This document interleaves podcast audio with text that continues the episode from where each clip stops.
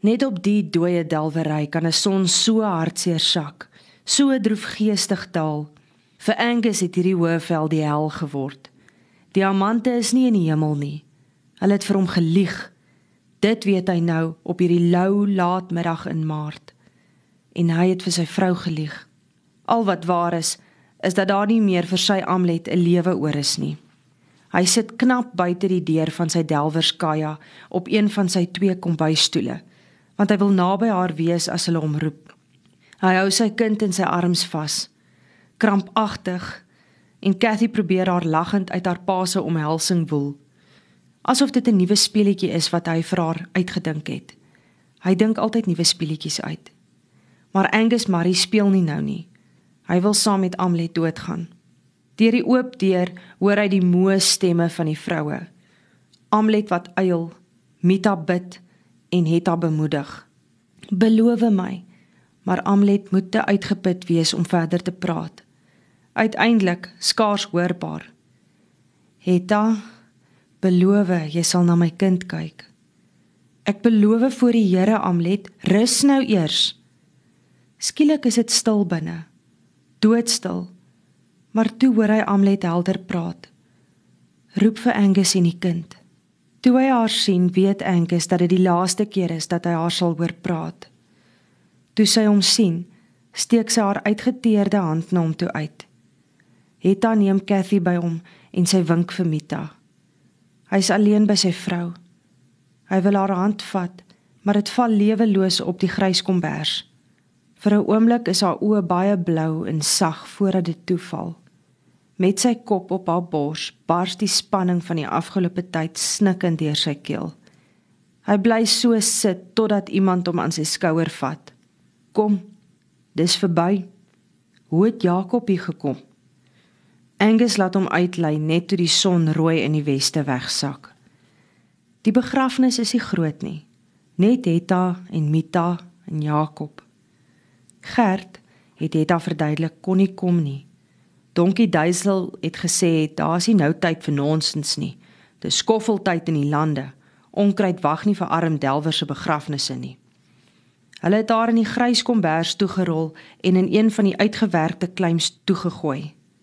Van die dae daarna weet Angus niks nie. Soggens moet Mita die kleintjie op sy rug kom vasmaak, soos wat hy gesien het Mita vir klein Jakob Abba.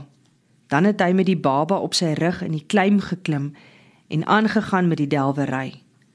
Dis net hy en Jakob en nog so 2 of 3 delwers wat oor is. Hulle praat net as dit absoluut nodig is. Selfs toe Jakob een middag van die sif af na Angus toe draai, sy toe hand na hom uithou, sy regtervuis omkeer en sy hand oopmaak waarin die groot diamant blink, lyk dit asof die fonds nie by Angus registreer nie. 3 karat, sê Jakob opgewonde. Op sy minste en hy's nie gespot nie. In die huis sit Angus die groot diamant meganies by die ander in die blikkie. Toe hy die volgende oggend by Cathy op sy rug klim toe wil gaan, staan Hetta voor hom. Jy moer die kind. Sy kan nie op jou rug groot word nie, Angus. Ek moet haar versorg. Dit is nie hoe versorg lyk nie, my liewe Angus. Hetta kom reg voor hom in die deur staan. Haal die kind af, Mita, ek sal na haar kyk. Mita haal die kleintjie van Angus se rug af en gee haar vir Hetta. Ek het Amlet dit beloof. Gaan soek vir julle ordentlike blyplek Angus, dan kom jy haar weer haal. Ek verstaan, maar jy kan nie die wêreld vol dwaal met 'n baba op jou rug nie. Saam met Mita en Jakob staan Angus Hetta en agterna kyk soos wat sy met die voetpad langs wegstap na die wit bywonershuis halfpad teen die hoogte uit. Angus sien net die vrou se ronde rug, maar hy weet dat sy die kind besitlik voor haar in haar hande hou. Die swart hondjie soos 'n skade weer agterna. Die drukking in sy bors voel of dit deur sy keel wil spring, maar dit bars nie uit nie. Daar is niks meer huil in hom oor nie. Daarvoor het hy die afgelope maand al te veel gehuil. Kom ons gaan werk, sê Jakob. Gaan so lank. Ek kom nou antwoord Angus en gaan die huis binne. Die deur maak hy agter hom toe. Angus Marie kniel by die bed in die beknopte vertrek wat hy nou al meer as 'n jaar syne noem. Hy vou sy hande voor hom op die kaal matras, maar sy oë kry hy nie toe nie, want dit is te swaar om alleen te wees en te moeilik om saam te wees. Hy bid nie, want vandag voel dit vir hom of God in Skotland agtergebly het. Om oorent te kom, voel na eindelose moeite. Sonder om te kyk, haal hy die sambok blikkie van agter die teepot van die rak af en omdat hy nie kyk nie, stamp hy die melkpotjie met die swierige oor van die rak af. Flenters op die vloer.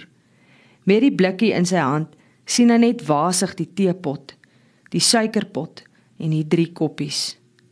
Dis al wat van sy geliefde Amlet oorgebly het. Dit en die dogtertjie wat hy hier moet agterlaat totdat sy groot genoeg is dat hy haar kan kom haal. Hy haal een diamant uit die blikkie en knoop dit in die hoek van sy sakdoek toe. Maak seker dat die twee diamante in die sambok salf oor is voordat hy dit versigtig toedruk. Dis al wat hy het om vir sy Cathy na te laat. Twee diamante en 'n onvolledige Victoriaanse teestel. Angus loop uit en los die deur agter hom oop. Jakob kyk verbaas op toe hy Angus hoor praat. Hy het hom nie sien kom nie. Ek gaan terug, Angus se stem breek. Op die wal van die kleim staan Angus. Jakob het hom amper nie herken nie.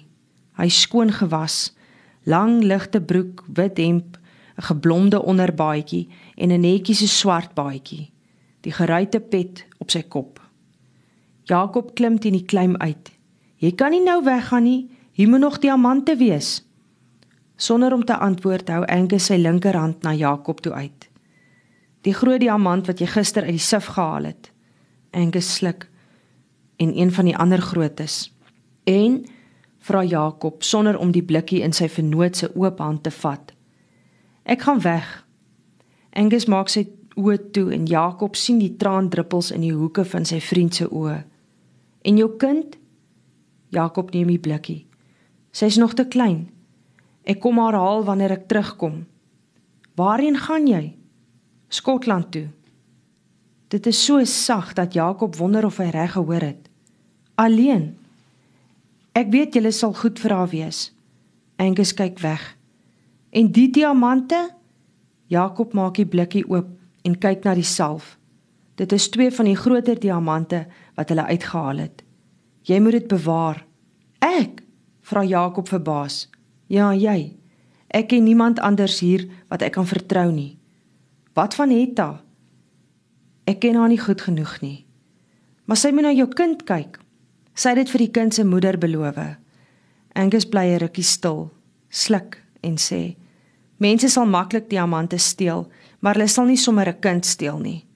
"Ja," mymer Jakob en kyk na die blikkie in sy hand.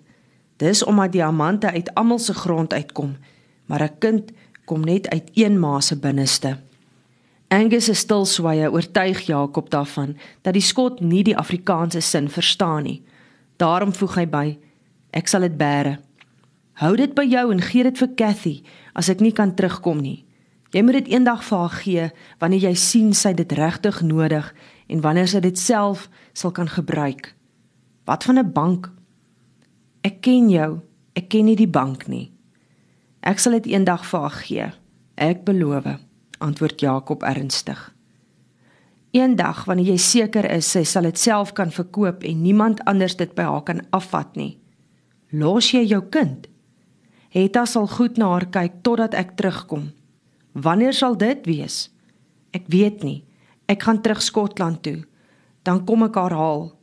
Nou is sy nog te klein om so ver te reis en ek weet nie wat daar vir ons wag nie. Ek gaan hom vir ons 'n blyplek te soek dan kom ek haar haal. Maar as ek nie terugkom nie, moet jy die diamante vir haar gee. Dit is haar erfporsie wanneer sy eendag selfstandig is. Dit is al wat ek het om vir haar na te laat. Hy vou die blikkie in Jakob se hand toe en draai weg. Maar nie voordat Jakob die trane in sy vriend se bruin oë sien nie.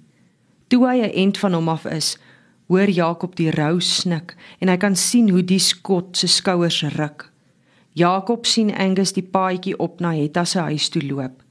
Maar eintlik, dink Jakob, kan 'n mens dit nie loop noem nie. Slof, miskien ja.